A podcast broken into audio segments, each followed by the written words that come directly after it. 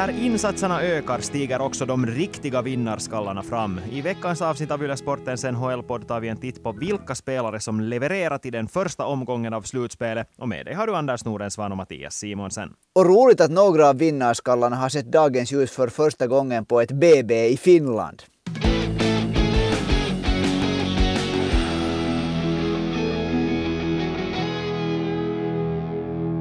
Men före vi tar och börjar snacka NHL-slutspel så ska jag igen passa på att påminna alla om att vi, Yle Sportens NHL-podd, också kommer att finnas med då svenska Yle ordnar en poddfest i Åbo den 6 maj på Kåren. Vi kommer att finnas i puben klockan åtta och det är alltså ett ställe dit man inte behöver biljett och det verkar åtminstone finnas biljetter fortfarande till hela stora festen också.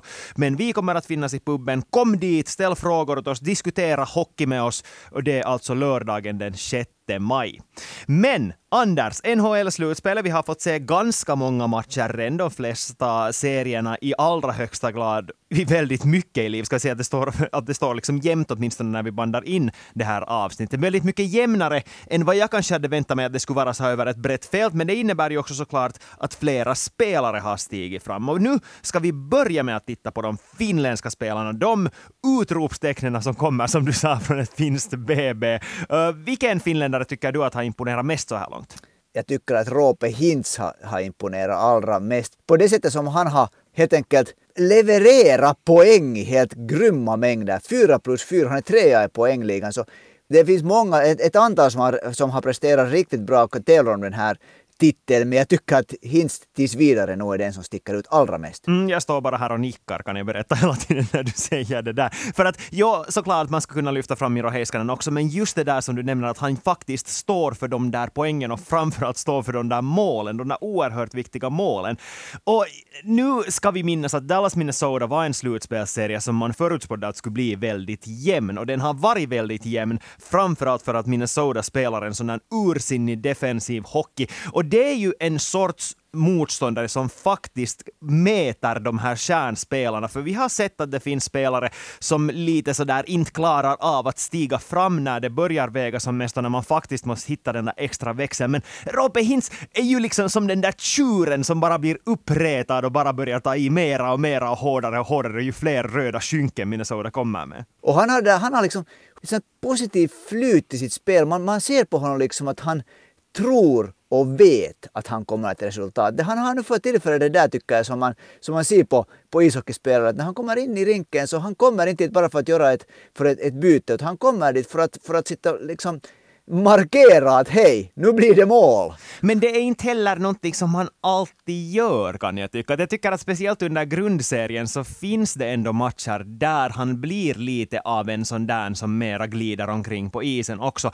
Inte alls lika mycket som andra finländska NHL-stjärnor, host Patrik Laine, host, men, men ändå så finns det den där tendensen att han lite, lite ibland släpper foten av gasen. Och det är ju helt förståeligt när vi snackar om en grundserie som är 82 matcher lång. Men det viktigaste är att när man kommer till slutspelet sen att man faktiskt då hela tiden klämmer gasen i botten och det gör han ju. No, var det 37 mål han gjorde i grundserien nu är det helt accepta acceptabelt. Helt okej okay, siffror, helt okej. Okay. men det har ju varit just det här som var den här stora frågan i tiden med Rope Hintz kanske just därför också för att han kom från en klubb, Ilves, som är, som är liksom ganska känd för att Ilves-spelarna är sådana som inte alltid tar allt på allvar. Det är, liksom, jag vet, det, det, det är en stämpel som på något sätt har fastnat i Ilves-spelarna. Man tyckte att, att liksom, Rope Hintz just var den här lite, lite artisten som inte alltid är liksom engagerad men minsann så har han nog varit engagerad nu när det spelas som att gå vidare. Mm, och det där är ju oftast någonting som man lär sig i slutspelet och det är säkert någonting som Rope Hintz också lärde sig i förra slutspelet i och med att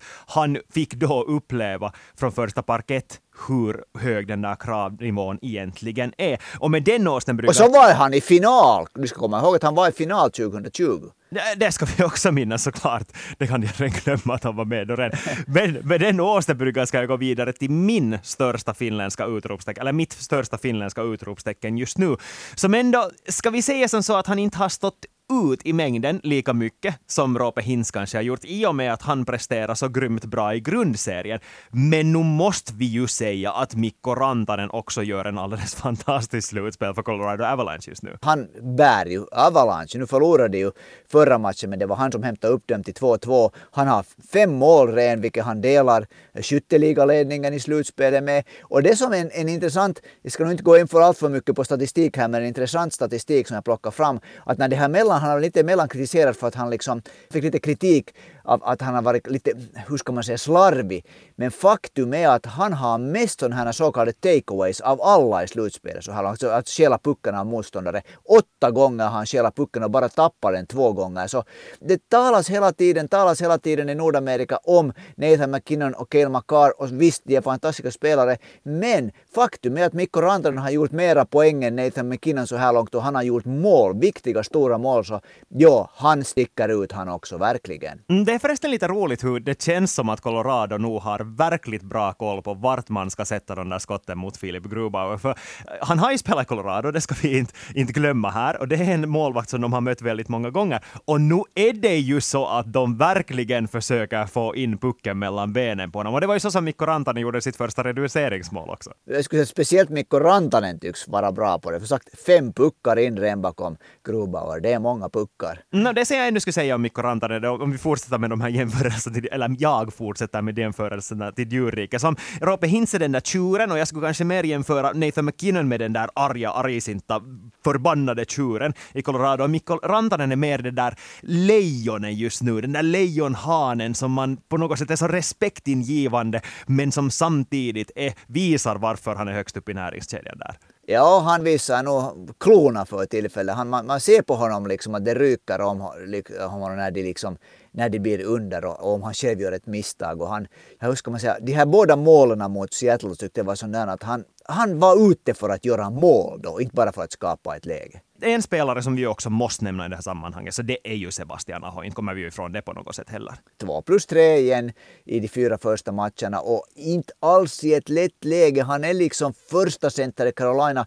Alla vet att Islanders vill ta ut honom från, bort honom från spelet. Han har inte alls optimala kedjekompisar att spela med och ändå när man ser att spelare hittar sätt att göra sig nyttiga, hittar sätt att avgöra. Så Sebastian Aho är nog fantastisk på det här. Att man kan se att han mellanstör och grubblar att varför fungerar, eller jag tolkar det han sitter och grubblar att vad är det som inte nu fungerar och vad är det? Och sen, sen kommer han ut och sen hit, har han hittat ett sätt att göra någonting som har betydelse. Inte för att vara den som victim-shamear här, för nu är det ju så att Highlanders vill köra över Sebastian Aho också, men nu ska det ju nämnas att han också tar initiativ till fysiskt spel i den här slutspelsserien. Det är, är bra ju, att han gör det. Det är bra, jag säger inte att det är en dålig sak nödvändigtvis, men samtidigt måste han också minnas att han redan färdigt är den där killen som motståndarna vill spela bort. Han är den där spelaren som motståndarna vill tackla sönder.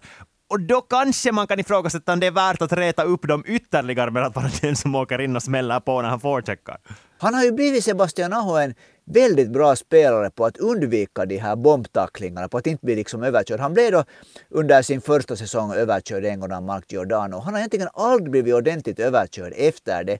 Han, liksom, han spelar ju med huvudet uppe. Du vet, han, det, man behöver aldrig säga åt honom att keep your head up. Det är liksom uppe. Jo, alltså jag måste säga att jag är inte hemskt förtjust alls i den här den här Islanders taktik som de spelar med. Visst är ishockey fysiskt, men jag, jag, tycker att den är liksom... De har bara gått in för att när de tillräckligt mycket kör över Hurricanes-spelare och kanske till och med skadar den så vinner de serien. Men den andra sidan av slanten då, vem är det som har underpresterat? Jag vet att vi båda är överens om ett jättestort namn. Alltså när jag tittar på de finska spelarna i slutspelet så det där tycker jag det är bara en spelare som stiger fram som att han har underpresterat. Och det är Alexander Barkov. Och det är ju inte så att Alexander Barkov spelar dålig ishockey det är det att Alexander Barkov borde vara sitt lags bästa spelare och vara en spelare som dominerar i den där serien mot Boston. Speciellt när Patrice Bergeron och David Krejci, Bostons två första centrar, är borta. Ja, alltså det börjar kännas som att det kommer att komma fram sen när Florida åker ut, som redan i mina ögon kan hända efter nästa match, för jag tycker att det är så pass stor nivåskillnad mellan de där lagen just nu. Never say never, man ska aldrig säga aldrig och det där. Men med det sagt så är jag inte överraskad om det kommer fram att Alexander Barkov är skadad skadad? För det, det liksom finns inte någon annan förklaring. No, jag vet inte om det finns en annan förklaring. Jag är inte övertygad om att det är därför. Det finns en massa spelare som eh, är där så att de nästan måste hämtas med ambulans till rinken och matcherna och sen när de hoppar in så börjar de att spela verkligt fin ishockey. Nämner nu till exempel Viktor Hedman här som det där garanterat dras med, med stora skador. Och eller, le, eller Leon Draisaitl i fjol. Ja just det, att liksom att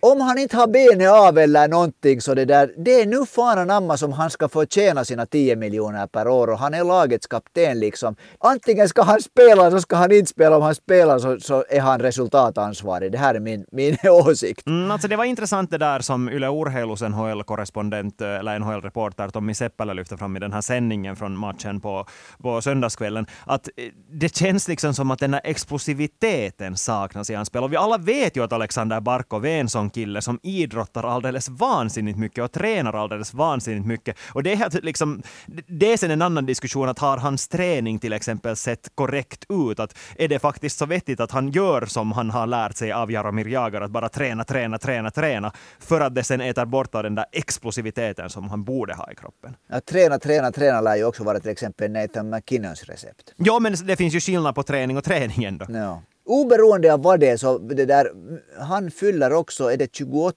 år som Alexander Barkov nu redan fyller på hösten. Han är mitt inne, mitt inne i sin prime. Det är så att det börjar så småningom och kanske att vända neråt för sådana stora tunga spelare där. Det är en besvikelse hur han presterar för han har bra spelare omkring sig också. Det borde finnas något att bygga på det, och, och han borde vara han, det borde inte bara vara Matthew Tkachuk och Sam Bennett som det där som, som gör mål av anfallarna där och Hetu Luostaden som har ett, som har ett plus ett hittills. Barkov har två andra assist så här långt i serien.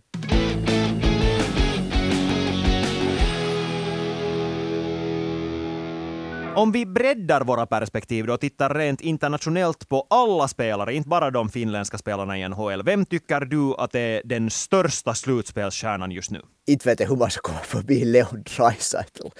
Fem plus fyra och han har varit inne på varje ett av Edmonton Oilers 14 mål. Helt vansinnigt. Ja, alltså jag vill säga att just när vi lite snackade om att han var ju skadad förra året och att han ändå var vansinnigt bra, så fanns det lite sådana, man kunde ju tyda det som ett tecken på att när han sen är frisk så kommer han faktiskt att vara alldeles otroligt bra och han har ju levt upp till de förväntningarna. Och samtidigt, det som är ännu viktigare är att han gör det här samtidigt som Connor McDavid inte är lika omänskligt överlägsen som han var i grundserien, vilket såklart mycket ska, man ska ge en stor eloge till Los Angeles Kings för att Connor McDavid inte kan göra lika många poäng som han gjort. Men just när McDavid spelas bort på det sättet som Kings gör just nu, så då måste ju Dreisaitl stiga fram och det har han ju gjort men samtidigt gör de sitt yttersta också för att spela bort Leon Draisaitl. Han bara inte låter sig spelas bort. Mm, det är en jättebra poäng, men jag tänker ändå lyfta fram ett utropstecken från Los Angeles Kings och det är Philip Danault, alltså den här defensiva centerexperten som tydligen är som gifte för Connor McDavids spelstil. Ja, nu har, vi har ju vetat, vi har vetat hur bra han har varit. Det har talats länge om att han är en spelare som borde finnas med i, i det där i Selke-diskussionen. Center, han var jättebra i Montreal i tiderna. Han är helt otroligt bra, men inte veteranen Antsei Kopitar heller så speciellt dålig. Nej, inte han ju det inte. Och det är liksom, men jag tycker ändå på något sätt att Dano, kanske just för att han inte ändå har Um, no, såklart, de gick till final med Montreal Canadiens, men han har ju inte någonsin haft en sån stjärnstatus som Anse Kopitar hade. Han var ju ändå den där första centern jo, jo. i laget då när de vann sina Stanley Cup-titlar. Sen det skulle jag vilja lyfta fram en spelare, för en, en serie som jag följer med mycket stort intresse är den mellan Toronto Maple Leafs och Tampa Bay Lightning. Jag tycker den har så mycket elektricitet i sig. Och där finns det många som man kan lyfta fram. Man kan bland annat lyfta fram Mitch Marner. Men ändå vill jag lyfta fram en spelare som jag tycker att är den liksom kärnan i det att Toronto för tillfället leder med 3-1 och det är Ryan O'Reilly som kom från St. Louis Blues där han hade vunnit Stanley Cup som kapten, blivit vald till slutspelets bästa spelare. Han leder med exempel, han producerar poäng och mål när det riktigt gäller. En helt otroligt bra ishockeyspelare. Plus att han har de här defensiva kvaliteterna också. Han, han, är liksom, Ryan O'Reilly är, i Toronto just nu det som Alexander Barkov borde vara i Florida. Ja, verkligt bra, verkligt bra sagt. Ja, men alltså, jag, jag vill också igen lyfta fram Toronto för att de har varit så bra mot en, ett så bra lag som Tampa Bay Lightning ändå är. Jag hade igår ännu så höll jag på att säga att Morgan Riley skulle skulle vara den som jag lyfter fram här. Men nu måste jag nog säga efter nattens match att Austin Matthews nog också är en sån där, kanske lite sådär om man jämför med Rope Hintz, den sortens spelare, den där kärnan som nu verkligen levererar offensivt. Och det som är så tufft tycker jag med Austin Matthews, för det har inte alls varit lätt för honom nu. Och nu gjorde han två mål i förra matchen. Just Exakt. det här att, att han liksom är den där killen som också, han går och sätter sig på avbytarbänken och säger att nej, jag måste göra mål, jag sitter här, det är nu som det måste hända. Och så går han ut och så händer det, jag håller med dig. Austin Matthews har visat den här säsongen och visar att, han gjorde det nog redan förra säsongen också, att han är en vinnarskalle av stora mått. Mm, och en spelare som också har bevisat sig vara en vinnarskalle så här långt i slutspelet åtminstone. Så efter en lite trevande, lite sökande inledning så Jack Hughes i Devils, nu måste man ju lyfta fram honom också efter att de tog två raka bortasegrar i New York. Jo, och den serien är nu vidöppen, men om du ska ta från den matchserien så vill jag nämna en, en man från Schweiz som heter Akira Schmid. No, nu, nu får du nämna honom, men jag står nog fortfarande fast vid att Jack Hughes är den där stora hjälten i Devils ändå. Jag tycker att Devils på ett sätt har spelat igen som det, alltså de har bra kedjor, liksom en mas ett maskineri som funkar jättebra. Jack Hughes är jättebra.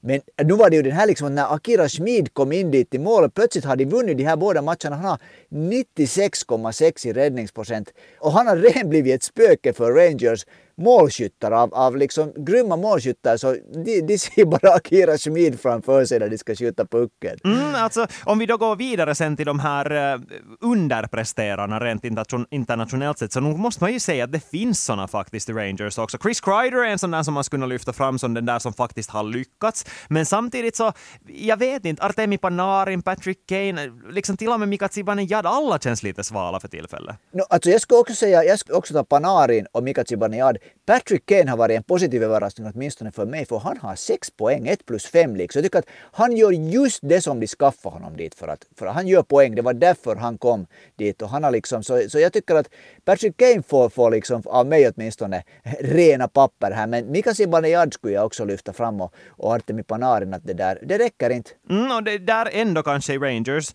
nu när jag faktiskt tänker på saken och inte bara pratar för att prata pratar utan att tänka efter, så nu är ju backtruppen också, in, in, de har liksom inte levt upp till de stora förväntningar som ishockeyvärlden kändes det som hade på dem. Adam Fox har gjort det. Han har sex assist så här långt. Och det, det där, och just att han har gjort det, men annars... Och Niko Mikkola tycker att han skött sig bra. I sin roll som den där ja. Om det är där som vi lägger ribban, så okej, okay, då finns det ganska många i slutspelet den bästa och den, den bästa och den i citat sämsta backen. Jag, jag, jag hittar inte på något bättre nu för Niko Mikkola. Så de har tycker jag levt upp till vad man kan vänta sig av det. Och samtidigt vill jag nog säga också att det finns ganska många i Tampa Bay Lightning som kanske har fått en lite så här orimlig kultstatus inom slutspelshockey om att de alltid ska vara som bäst när det gäller. Men alla de här de här som tidigare åren har fört dem hela vägen, åtminstone till final och till och med hela vägen där också. Så de har inte riktigt synts till tycker jag. Det är liksom lite mer de här dollisarna som stiger fram nu. Nå, två sådana här spelare som ju hör till den här kärnan, som inte är den stor, största kärnan, men Anthony Cirelli och Alex Killorn, så de har ju nog liksom levererat. Jo, jo, exakt. Det, det var jag menar att de levererar, men sen ja. vi snackar Braden Point tycker jag att inte är liksom lika bra som man kan förvänta sig. Steven Stamkos tycker jag att är osynlig, Nikita Kucherov är osynlig. Och Victor gjort grymma mängder med poäng. Han har ju nog ja. Ja, men om man tittar på de där matcherna så mm, inte är det liksom så att när den där kedjan är inne tidigare, de här tidigare åren, när de här storstjärnorna har varit inne på isen, så vet man att det kommer att bli jättefarliga lägen i den andra änden. Nu känns det lite mer som de, de till och med blir tillbaka pressade av vem som helst i Toronto. Och det fattas alltså. en Ondrej Palat där. No, det är sant. Sen en spelare som jag skulle vilja hylla och det är från den här serien med Boston och Florida. Så skulle jag, det finns många Boston-spelare som man kan lyfta fram, men jag skulle vilja lyfta fram Taylor Hall som hade där, tycker jag, om, om inte tidigare så gjort en verklig comeback till den yppersta eliten i ishockeyvärlden. Nu han har fyra plus tre hittills och det är inte bara det poängen utan det är hur han liksom spelar på isen, hur han liksom hittar ytor, hur han levererar helt enkelt.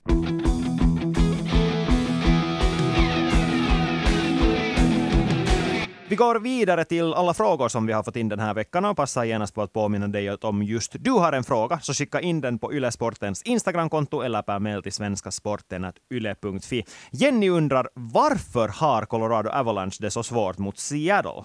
Och det är en ganska bra fråga, för vi hyllar ju redan de här stjärnorna här, men ändå så står det 2-2 i matcher. Är det här månne nu igen en, det lätta svaret är det att, att Seattle Kraken är ett bättre lag än, än det där många hade trott att det är. För det är just det vad det det är ett lag och det är svåra att spela emot helt enkelt. Mm, jag skulle sammanfatta det så här.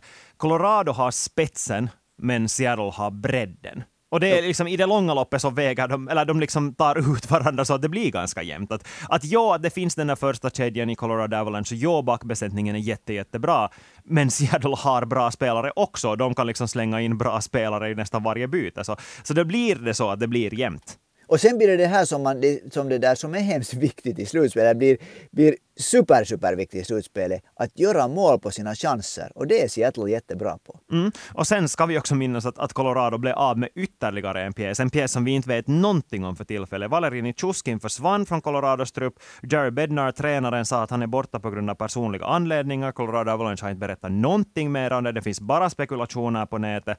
Så man vet inte om han ens kommer att återvända till slutspel. Och det är ett jättestort avbräck för ett Colorado som som sagt behöver all bredd som de kan få. Ja, verkligen. De har allt för många spelare som var, var viktiga förra året borta. Mm, och där kanske vi också lite svarar på Samis fråga. Kan Colorado gå hela vägen med den här truppen? Nu ser det ju lite svårt ut måste jag säga när man tittar på det, det, där. Men, men det är ju ofta så att det, det, den här slutspelsberättelsen börjar ju att skriva sig själv i något skede. Förra året var det ganska lätt för Colorado. Det är inte helt liksom omöjligt att den nu går via tidiga motgångar. Så har man vunnit Stanley Cup, har man sådana toppspelare, så visst kan de göra det. Mm, jag håller med. Alltså, de kan göra det, men det kräver att spelare som JT Comfer och Alex Newhook verkligen stiger fram och börjar axla sig ett sånt ansvar som spelare som Nitschuskin eller Gabriel Landeskog eller Nasem Kadri eller plocka nu vem som helst som inte är där längre, som de tidigare skulle ha axlat. Och så kräver det att Alexander Georgiev i, i målet håller måttet. Sebastian undrar vad problemet är med Islanders just nu. Han påpekar att de ju har en bra trupp på pappret och rent taktiskt så gick du ju redan lite in på det när du konstaterade där att de ju verkar bara vara inställda på att köra över allt och alla hela tiden och inte fokusera på så mycket annat jag skulle lite vilja ifrågasätta, för jag tycker att de inte har en speciellt bra trupp. Det är min åsikt. Jag tycker nog att de har en ganska bra trupp när man tittar på den, rent sådär objektivt och tittar på de namnen som finns i det där laget. Så nu är det ju ett lag som borde vara bra. Jag tycker att det är ett lag som det där var, de där namnen var så jättebra ut för några år sedan. Det där. Jag tycker att de, väldigt få av dem, kanske Matthew Barzal har gått framåt, men annars liksom tycker jag att de där stora namnen i, i Islanders som har varit vana med att alltid liksom man kan lita på så är förbi sin bästa tid. Det är min åsikt. Nej, no, du har rätt i din åsikt. Men det ska jag nu säga att, att det som Islanders problem är att de möter Carolina Hurricanes. Och Carolina Hurricanes är ett jättejobbigt lag att möta. Du måste ha den där spetskompetensen och att de där spelarna som har spetskompetensen faktiskt levererar också. Och det gör de inte i Islanders just nu. De här stora stjärnorna som nu på hemmais framförallt kunde matchas mot vettigare motstånd än den här Stahl Martinuk fastkedjan. Så de tog inte vara på sina chanser tillräckligt väl. Och när de inte gör det, så då blir det svårt att slå ett lag som ändå kommer att se till att du för det mesta inte kommer att göra fler än två mål per match. Hatten av till, till, det där, till Carolina Hurricanes som det där är ordentligt vinklippt. Många experter ansåg ju att Islanders kommer att, liksom att vara bättre i den här matchserien men det där, nu har Hurricanes verkligen hittat sätt att vinna matcher på. Så det där, de har inte varit på något sätt spelmässigt liksom i förarsätet men där sitter de med 3-1 i, i, det där, i ledning och har möjlighet att avbryta matchserien inkommande natt mot onsdag. Mm, lite samma tema här. Jonas undrar varför Dallas hade så svårt mot Minnesota. Och det, här, eh, det här var ju nog en matchserie som man förutspår, som jag redan sa, att skulle bli jättejämn. jag skulle inte säga att det är en så jättestor överraskning att Dallas har problem med dem. Nej, det är en matchserie som kan gå helt hur som helst. Och så såg det ut också på pappret. Det var inte hemskt länge sedan som det till och med ser ut som Minnesota skulle kunna ta hem hela Central Division. Det är bara några veckor sedan. Jag tror till och med att jag, har, jag, tror att jag till, till och med skickade ett WhatsApp-meddelande åt dig att Minnesota kommer att vinna det där. det gjorde du. Central. Ja, just det. Och, och, det, var helt, det var liksom helt möjligt. Så att det är liksom en jämn serie. Mm, men där är ju också matchbilden ganska tydlig att Dallas har den här offensiva stjärnglansen medan Minnesota sen jobbar på som ett lag hårt bakåt och försöker försöker vinna den vägen. Och, och när det blir en sån matchup så kommer det alltid att vara jättejämnt när du har ett så pass offensivt bra lag som Dallas är mot ett så pass bra så här samspelt defensivt lag som Minnesota är. Så det är nu det är två olika hockeylag som möts, väldigt liksom olika stilars hockeylag som möts och då en väldigt rolig serie att, att titta på tycker jag ändå. Och två superbra målvakter, det kan fälla avgörande i slutändan. Mm, på tal om målvakter, kanske lite så är Jonas andra fråga att kommer Kommer serien mellan Toronto Maple Leafs och Tampa Bay Lightning att gå till Game 7 och vem vinner i så fall? No, nu tror jag ju inte mer att den går till Game 7. Toronto steg i båda matcherna i Tampa från underläge och vann i förlängningen. De gör det som Tampa har varit specialiserad på, haft monopol på här i, i några år. Nej, den går inte till match 7, den går helt max till match 6. Jag tror att Toronto avbryter den nästa, nästa match på hemmais. Mm, jag tror faktiskt också det. Jag håller fast vid det vad jag sa, att om den går, om den går till Game 7 nu speciellt, så då kommer Tampa Bay Lightning att gå vidare. För då har de, då har de knäckt ryggraden redan före de kommer in på isen i match 7. För där igen, den, förutom den här mentala fördelen så har de också Andrei Vasilevski som ju är ökänt oerhört bra i match nummer sju, eller överlag i matcher där eh, Tampa Bay antingen kan avsluta serien eller åka hem. Så nej, jag tror nog också att Toronto kommer att fixa det här. Redan eventuellt redan i nästa match. Och det här kommer vi vidare sen till nästa fråga. Lite annan vinkling.